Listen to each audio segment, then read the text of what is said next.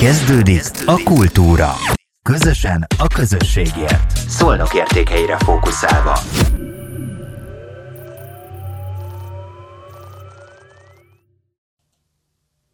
Békési Klára vagyok, vendégem dr. Agócs Gabriella, pszichiáter. Köszöntelek a Szolnokért Podcast Kultúra rovatában. Köszönöm, hogy megtisztelsz jelenléteddel bennünket. Tanulmányaidat e, sorolnám most föl, pszichiátriai szakvizsga, pszichoanalitikus, alappszichoterápiás képzés, Hipnoterápia, pszichodráma, transzlégzés és testterápia, családállítás, bioszisztemikus testterápia és dazei analízis. Lehet, hogy valamit nem sikerült jól mondanom, de ez annyi minden. Rengeteg dolgot, rengeteget tanultál. 11 évig az állami ellátásban dolgoztál, 8 évig orvoslátogató voltál, és 12 éve dolgozom magánpraxisban. Miért váltottál?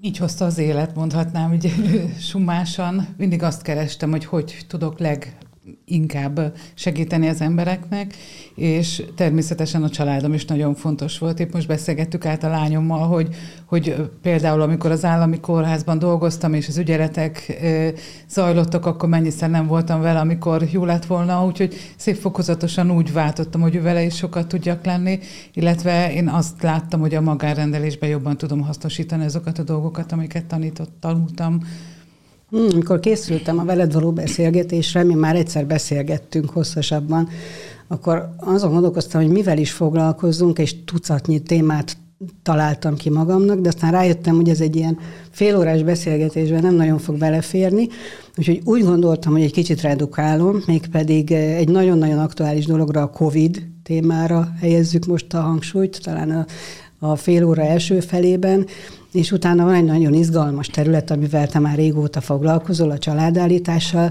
és én arról is szeretnék egy kicsit veled beszélgetni, hogyha ha megengeded, illetve hogyha szívesen beszélsz erről. Sokan tagadják, hogy egyáltalán van vírus.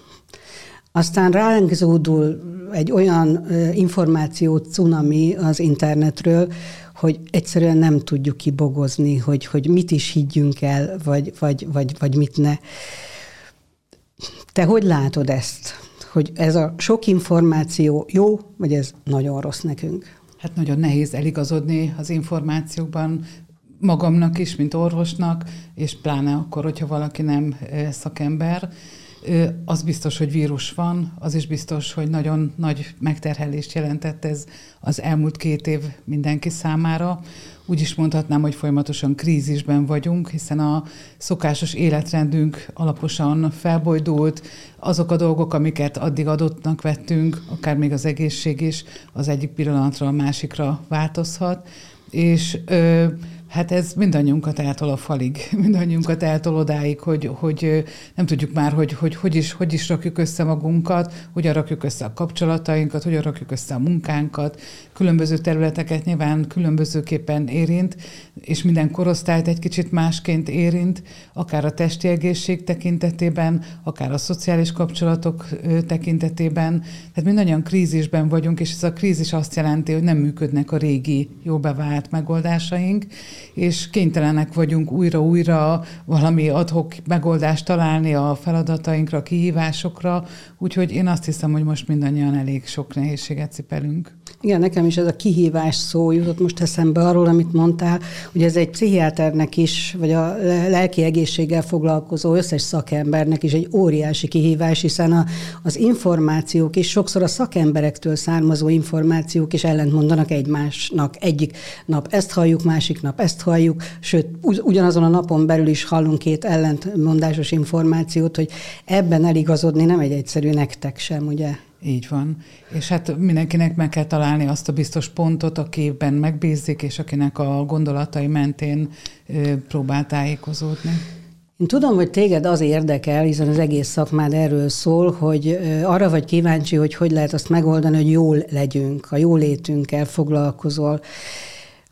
Most aztán igazán nagy szüksége lenne minden embernek arra, hogy legyen valamilyen segítője. Na most nyilvánvalóan ezt azért nem egyszerű megoldani, hogy, hogy mindenkinek legyen nyugaton már azért ez, ez divat, de hát ott sincs mindenkinek saját pszichiátere, vagy akár saját pszichológusa, vagy mentálhigiénés szakembere.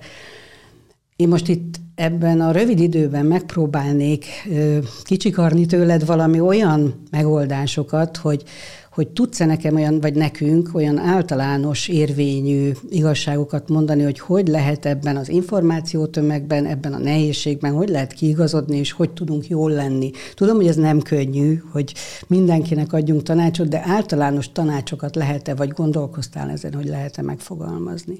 Hát akkor, amikor krízisben vagyunk, akkor ugye azzal együtt jár egy szorongás, együtt jár egy beszűkültség, együtt jár egy ilyen tehetetlenségérzés, és hát az első és a legfontosabb, hogy ebből valahogy találjunk kiutat.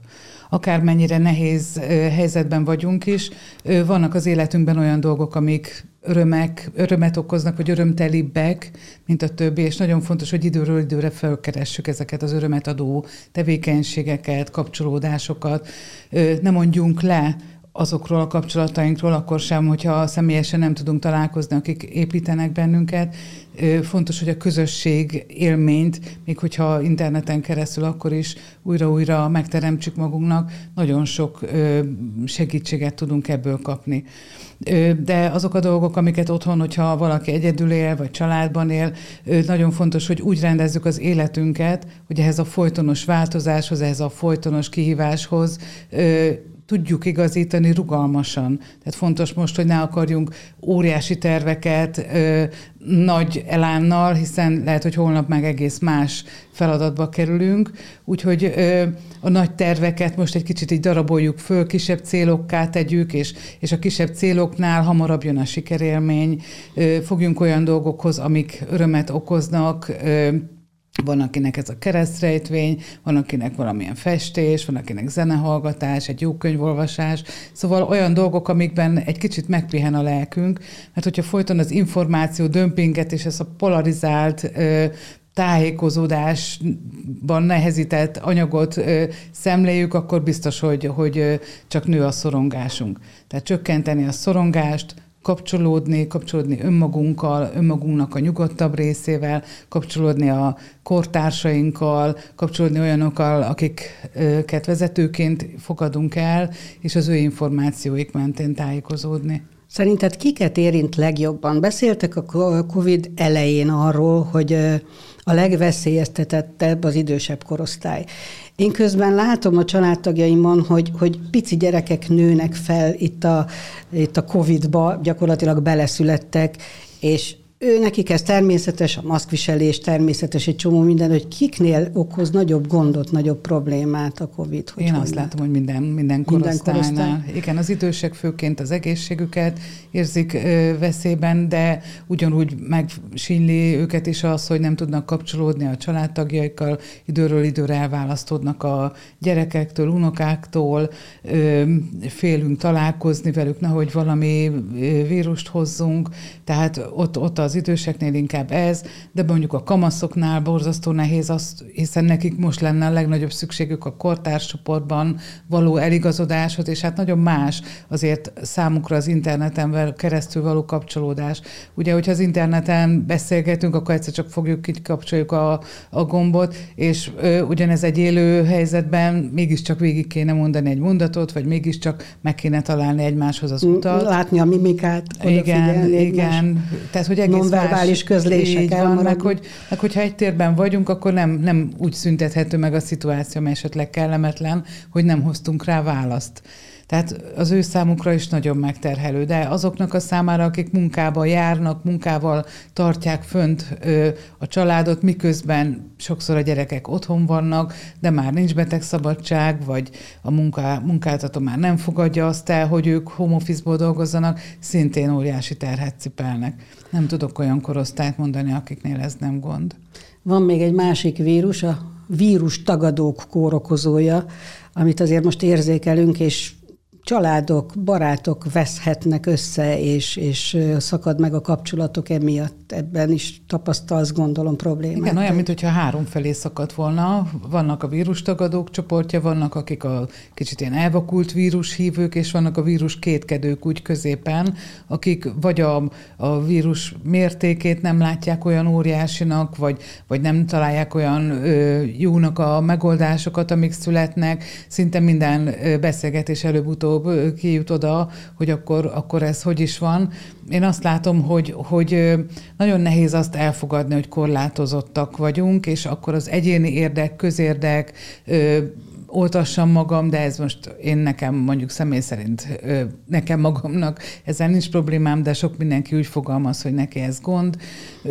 Erre is ugye személyre szabott válaszokat, egyénenkénti válaszokat nem tud hozni sem a magyar kormány, sem a, a világ többi országában is látjuk, hogy hasonló kényszerítő eszközöket próbálnak alkalmazni, hogy a, a populációnak a megbetegedési esélyét csökkentsék tehát nem az egyénre szabottak ezek a válaszok, és ezért mindenki egy kicsit erőszakként éli meg. És ezt az erőszakot is nagyon nehéz feldolgozni, hogy, hogy hogyan, hogyan tudok én valamivel együttműködni, ami az én személyességemet nem tartalmaz, arra nem reflektál. Én a Facebookon azt tapasztalom, hogy minél kevesebbet tudunk valamiről, annál határozottabban képviseljük a saját álláspontunkat, és talán úgy érzem, hogy aki egy kicsit tájékozottabb, az, az inkább bizonytalan ebben a kérdésben, hiszen látjuk, hogy egyébként az egész egy bizonytalanság, hiszen a WHO-tól is jönnek ellentmondó információk, most hordjál maszkot, most hordjál nem maszkot, vagy ne hordjál maszkot, és ebben a helyzetben valahogy tényleg erőteljesebbnek érzem azokat a hangokat, ahol látom, hogy, hogy azért valami nem stimmel, hiszen információ hiányban szenvednek. Igen, és hogy, hogy nagyon sokszor lehet látni, főleg így, a, ha a Facebookot veszük, ugye ott én magamnak szabom meg, hogy kiknek a hozzászólását, véleményét, esetleg cikkeit olvasom, egyáltalán kijelenjem meg, hogy egyszerűen hozunk magunknak létre egy ilyen vélemény buborékokat, igen, és akkor abból rengeteg információnk van, és most ezt látom a a legnagyobb kihívásnak a mi generációnknak, hogy a vélemény buborékok között hogyan teremtődik konszenzus. Mert hogy az internet ugye alkalmas arra, hogy ezek a buborékok aztán feltelődjenek, teljes magabiztossággal ö, állíthatóak, ellenkező és egymásnak ellenmondó dolgok, és, és mindenre van ö, valaki, aki, aki azzal mélységesen egyetért megint ugye, hogyha csak egy kicsit visszagondolom, mondjuk még az 50-es évek előtt a kis falusi közösségekben, ez nem volt lehetséges, hiszen a különféle nézőpontú, véleményű, tapasztalatú emberek egy közösséget alkottak, és kénytelenek voltak egymás világát is figyelembe venni. Ma már leélhetek úgy egy életet, hogy mondjuk csak a, mit tudom én, színes újságot olvasók klubjának a véleményeit hallgatom, és egyáltalán nem foglalkozom azokkal, akik mondjuk regényeket olvasnak. Tehát leélhetek úgy egy életet, hogy nem kapok információt arról, hogy más is lehetséges. A, ami érdekes most, és nehézséget okoz, hogy eddig elmehettünk a házi orvoshoz, és a házi orvossal megbeszélhettük a testi bajainkat egyébként, és azt hiszem, hogy a te honlapodon olvastam, hogy nagyon érdekes, de elgondolkoztató, hogy és van is házi orvos ismerősöm, aki ezt megerősíti, hogy körülbelül azt hiszem ezt írott te, hogy olyan 40 a lelki probléma a problémának, amivel nem a házi orvosnak kellene foglalkozni, de megoldja, mert oda megy a beteg, és elmondja. Most ugye nincs, mert most csak felhívhatjuk telefonon a házi orvost, és a legfeljebb gyógyszert ír fel, de nem tudunk vele diskurálni. Ez megnehezíti, gondolom, a, a mentális betegségeket felerősíti, és sokkal nagyobb problémákat okoz, úgyhogy gondolom, hogy kezelni is nehéz ezt a rengeteg beteget, akinek feltornyosultak a mentális problémái. Igen, annak idején, mikor én egyetemre jártak, úgy hívtuk, hogy a biopszichoszociális modell, tehát hogy senki sem elválasztva van a biológiájával, vagy a pszichológiájával, vagy a szociális környezetével, hanem mi ezt mind egyszerre hordozzuk, és ugye egy ember nem tud annyi mindent megtanulni, ezért külön szakmák vannak, de a házi orvosnál érnek ezek össze, tehát ők ismerik a, az embereknek mind a három ö, vetületét, és valóban az, hogy leredukálódott ez a kapcsolattartási nehézség, illetve hogy túlterheltek a házi orvosok ugye különféle feladatokkal a COVID kapcsán, egyszerűen nem marad arra idő, hogy ez a lelki, szociális ö, információcsere is megtörténhessen. Úgyhogy igen, ez, ez is nagyon nagy nehézség mostanság. Van-e valamilyen prognózisod, hogy mondjuk, ha véget ér a COVID, bízunk benne, most mindenki abban reménykedik, hogy jön a tavasz, jön a nyár, és véget ér, hogy tényleg milyen, ugye mondják ezt a post-covidot, hogy milyen ö, nyilvánvalóan testi is lehet, de ezzel együtt, miután tudom, hogy együtt kezelette a testet és a lelket, a lélek és a test nehézségeit, hogy, hogy meddig lesz kihatással ez a prognózisod szerint nyilván nem vagy jós te sem, de hogy, hogy mi nem lehet.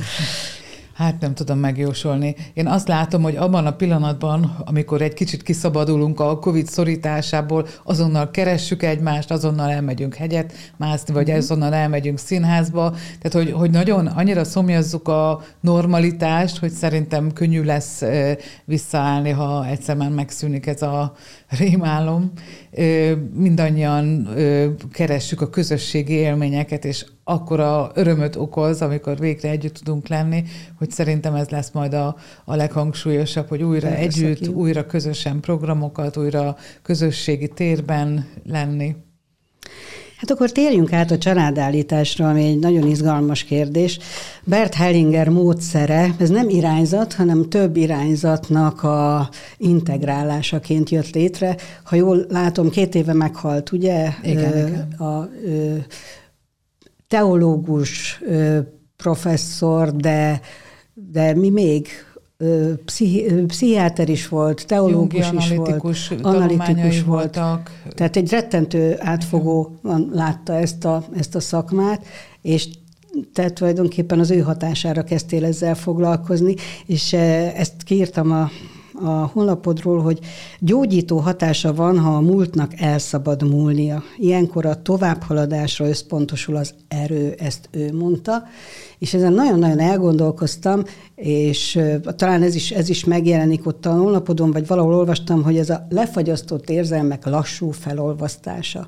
Na ebből kiindulva azért ez egy nagyon összetett tudomány, vagy ha nem is tudomány, de egy összetett dolog, amivel te nagyon foglalkozol ezzel a családállítással, ami elérhető, és majd azért adunk egy kis lehetőséget arra, hogy megtaláljanak téged, hogyha ha szükség van rá, de egyre többet hallunk az utóbbi időkben arról, hogy a múltunk, a szüleink, az őseink sokkal nagyobb hatással vannak ránk, mint ahogy eddig hittük és te is talán a saját életed is inspirált arra, hogy a múlttal foglalkozzál, mert neked se volt túl ideális a életed első pár éve.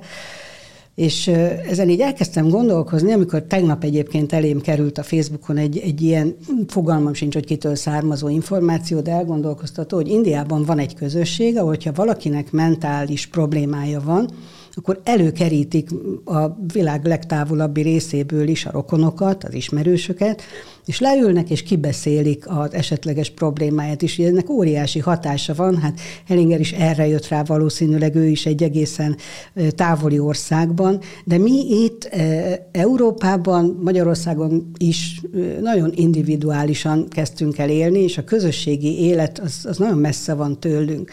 Hát akkor mesélj nekünk egy picit erről a, erről a családállításról. Nincs túl sok idő, tudom, hogy nagyon hosszasan lehetne mesélni. Hogy mondanád el annak, aki, aki ezt még életében nem hallotta, hogy miről szól ez? Itt Európában ugye a felvilágosodás óta a materializmus, a mechanisztikus materialista, redukcionista világképben élünk. Ez azt jelenti, hogy a dolgokat aként érzékeljük, ahogy a körvonalai vannak. A tárgyakat a saját körvonalain keresztül érzékeljük. De hogyha mondjuk egyszer hallottam egy jó mondást, hogy, hogy a nagyapám bicskája. Ugye, hogy elkopott az él, akkor lecserélem a pengét benne, utána lecserélem a fát, mert, és, és még mindig nagyapám bicskája. Szóval, hogy van a tárgyaknak valami töblete is, ami, ami, ami ö, nem a fizikai létükkel kapcsolatos. De mondok egy példát. Valamelyik ö, nap ö, mentem az autóval, és arra gondoltam, hogy fú, itt a hóesés, és én még nem cseréltem le a nyári gumit. És akkor elképzeltem, hogy megyek 150-nel, na jó, annyival nem 130-al szabad, szóval megyek annyival az autópályán, és ö, nyomom jó erősen a pedál, de közben valahol a tudatomban benne van, hogy, hogy ez így nem túl optimális, de mégis nyomja a lábam azt a gázpedált, ugye? Na most, hogyha itt valami jégen megcsúszom, akkor az fog történni, amit a fizika megszab. Ugye? Az egy teljesen fizikai történés. Még az is egy teljesen fizikai történés, hogy a lábammal nyomom a gázpedált.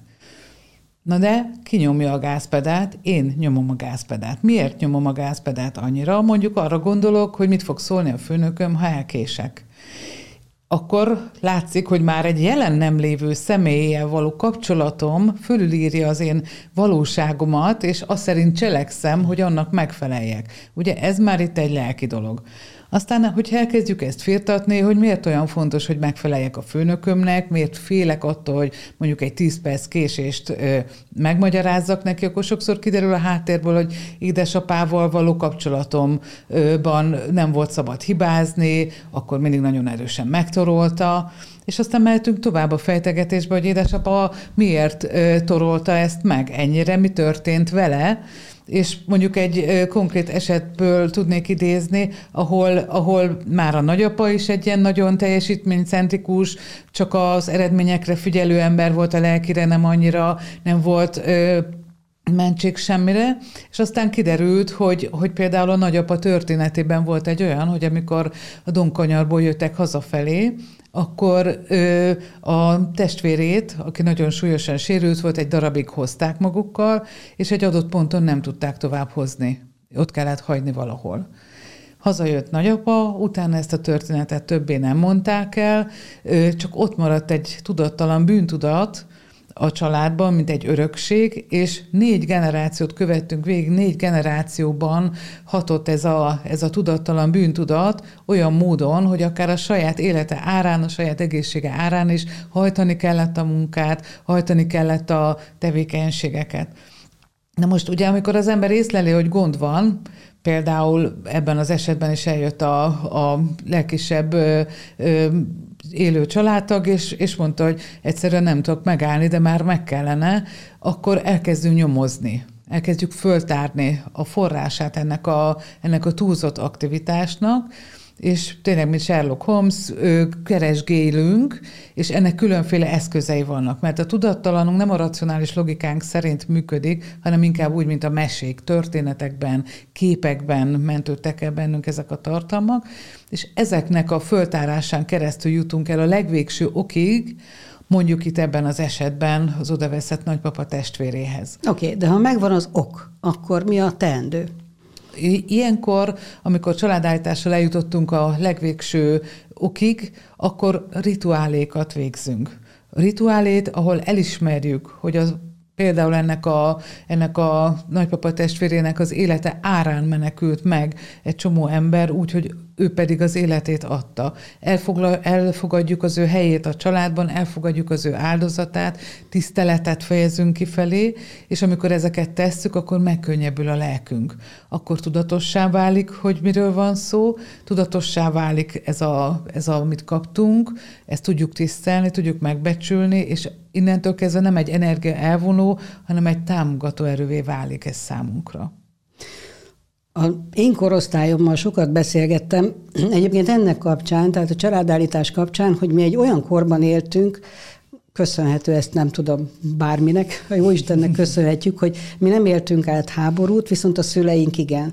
Tehát mi hozhatunk valamit magunktól, én pontosan tudom, hogy a szüleimnek is milyen nehézségei voltak, viszont én már a saját problémáimat nem ter, saját problémáimmal nem terheltem meg a gyerekeimet, tehát bízhat nánk abban, hogy őnekik már sokkal könnyebb és egyszerűbb életük van. És mégis itt vagyunk ebbe a rettenetes nagy mentális ö, problémákkal tűzdelt világban, hogy annak idején én is sokat foglalkoztam ezzel, nem tudományos szinten, de gondolkoztam Máté Gábortól kezdve, nem is tudom, több olyan pszichológus elmondta, hogy igen, a holokauszt idején rettenetes dolgok történtek az ő szüleivel, tehát ő nyilván ezt, ezt, ezt átélte, viszont érdekes módon, hogy ott valahogy úgy úgy mindenki összeszedte magát. A legnagyobb problémákba, a háborúba össze tudták szedni magukat a szüleink. Mi meg itt vagyunk a, mondjuk úgy a nagy jólétbe, és, és kétségbe vagyunk esve, és segítségért kiáltunk, és mentálhigiénis szakemberért, pszichiáterért, pszichológusért kiáltunk, hogy ezt azért úgy megfejtettétek, vagy ennek megvan a megfejtése, hogy hogy, hogy van ez? Hogy a... Nagyon sokszor ez az összeszedte magát, már ez is probléma, mert az azt jelentette, hogy itt van egy óriási probléma, de ez akkor, amivel nem tudok mit kezdeni, ezért elnyomom, uh-huh. elfolytom, elrakom a tudat mélyére, és majd két, három, négy generáció múlva lesz megint elég erős valaki, hogy ezzel szembenézzen. Tehát ez az örökség, ez sajnos ö, tudattalanul ö, átadódik és megjön ide a mi generációnkhoz, vagy a utánunk jövőkhöz is egyfelől, másfelől pedig, hogy felbomlott egy csomó olyan megtartó erő, ami mondjuk egy kis közösségben... Megint a közösség, igen. igen ami, ami szabályozta azt, hogy ne legyenek túl nagy álmaink, hanem egy realitás közeli életet éljünk. Manapság mindenkinek olyan álmai vannak, amik irreálisak. Tehát mindannyian elgondoljuk, hogy nekünk a föld másik felére kellene mennünk nyaralni, mert akik oda mennek, azok boldogabbak. Aztán elmegyünk oda, rájövünk, hogy ott is van szúnyog, vagy ott se fenékig tej az élet. Szóval, hogy, hogy irreális álmaink vannak, irreális képeink vannak párkapcsolatról, az élet miben létéről, és, és ez az irrealitás nagyon sokszor erősebb, mint az a, az a való élethez való józan viszony, ami esetleg a régieknek ö, megvolt. Én emlékszem, hogy mekkora örömöket okozott, ö, például amikor gyerekként ö, kukoricafosztás volt, én ö, heveréztem ott a, a kukorica illatban, néztem a csillagos eget, és mindenki örömteli volt. Beszélgettek, biztos iszogattak is, erre nem emlékszem, de gondolom. Énekeltek. Énekeltek, meséltek, és volt az egésznek egy olyan hangulata, amit nem lelek föl most ezt a nyugalmat. Mondjuk a két Covid között az egyik ismerős család elhívott magához szilvalekvárt főzni. Na, akkor volt egy ilyen érzés, hogy, hogy ott ültünk abban a jó illatban, abban az őszi hangulatban, és, és, és egyszerűen csak nyugodtak voltunk. Tehát ehhez a nyugalomhoz visszatalálni mégiscsak az élet mentén lehet, nem a, az irreális vágyak, az irreális álmok mentén. Szóval tíz éve foglalkozol a családállítással, itt most akik oda mentek mondjuk tíz éve, ezek visszatértek, vagy, vagy ö, általában elmennek, megoldódnak a problémáik, ugye optimális esetben megoldódik, nem jön többet. Ez is egy közösség. Igen. Bár néha csak nagyon rövid ideig tartó Igen. közösség. Azt mondd meg nekem és a hallgatóknak, nézőknek, hogy kinek, kinek ajánljuk ezt, ezt a fajta terápiát nevezzük így, vagy nem is tudom, nem minek nevezzük hívjuk. terápiának. Terápiának azokat a dolgokat nevezzük, amit a pszichoterápiás képzések uh-huh. során ö, lehet tanulni. Ez inkább egy gyógyító rituálé, vagy egy olyan rituálé, amivel rendezzük az ősökkel való kapcsolatunkat, az ősök mintáinak a felismerésén keresztül abból ö, kiszerveződünk. És Ebbe hinni kell, ugye? Nem, Mert nem, nem kell hinni. Mindig vannak olyanok, akik szkeptikusak, és én nagyon örömmel fogadom. Ez egy tapasztalati és egy élményszintű ö, alkalom.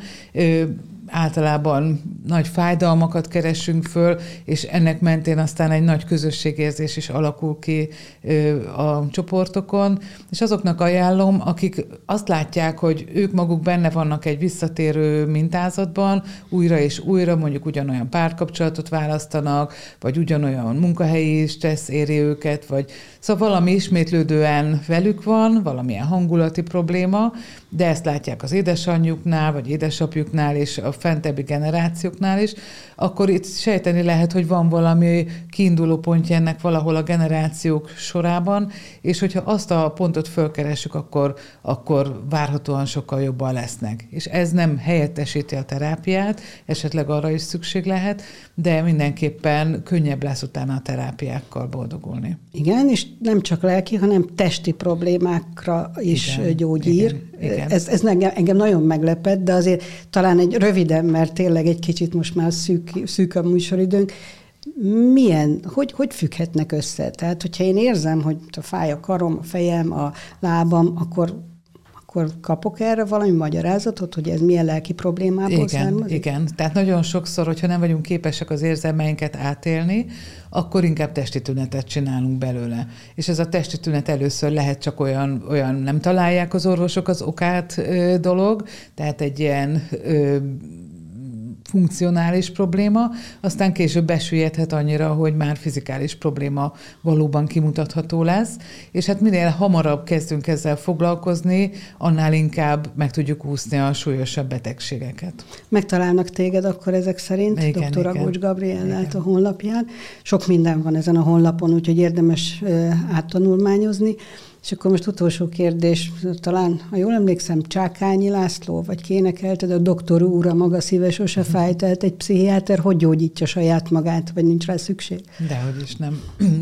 azt szokták menni, hogy aki dudás akar lenni, annak pokorra kell menni. Szóval minden egyes képzés, amit felsoroltam ott, együtt járt legalább egy-két éves saját élménnyel, aztán most is vannak, amikor valami új élethelyzetbe kerülök, akkor annak az új élethelyzetnek a mentén előbukkalhatnak olyan lelki dolgok, amiket még én nem kerestem föl, akkor én is elmegyek valakihez, és én is dolgozom ezen. Nagyon szépen köszönöm, remélem, hogy segíteni tudtunk ezzel a pár mondattal, jó lenne tovább, de téged megkereshet bárki, és gyógyítathatja a lelkét, esetleg a testét, Úgyhogy nagyon köszönöm, Gabi, és várlak majd ide máskor is, hogyha... Én is köszönöm. Reméljük nem lesznek nagyobb bajok. Köszönöm Úgy szépen. Legyen. Köszönöm én is. Ez volt a Kultúra. Közösen a közösségért. Szolnok értékeire fókuszálva.